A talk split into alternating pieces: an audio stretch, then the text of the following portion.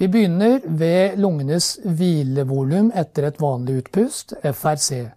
Da vil de nederst liggende alvolene være ganske små, mens de øverst liggende alvolene være forholdsvis utspilte. Etter et eh, vanlig innpust så vil de små alvolene, som lå basalt, ha oppnådd en større volumøkning enn alvolene i toppen.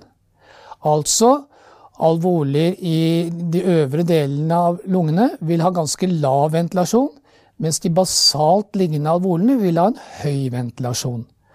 Så hvordan passer dette med blodforsyningen til lungene? Jo, det passer faktisk ganske bra.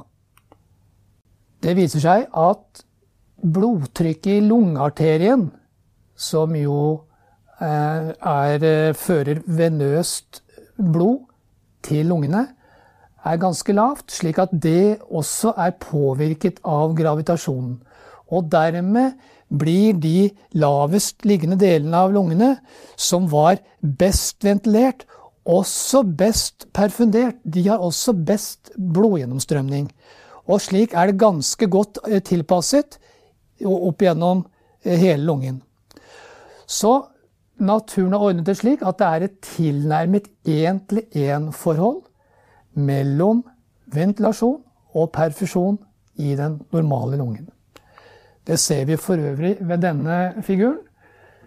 Eh, det er ikke helt et eksakt én-til-én-forhold, men for praktiske forhold er, er det et, en veldig god match mellom ventilasjon og perfusjon normalt.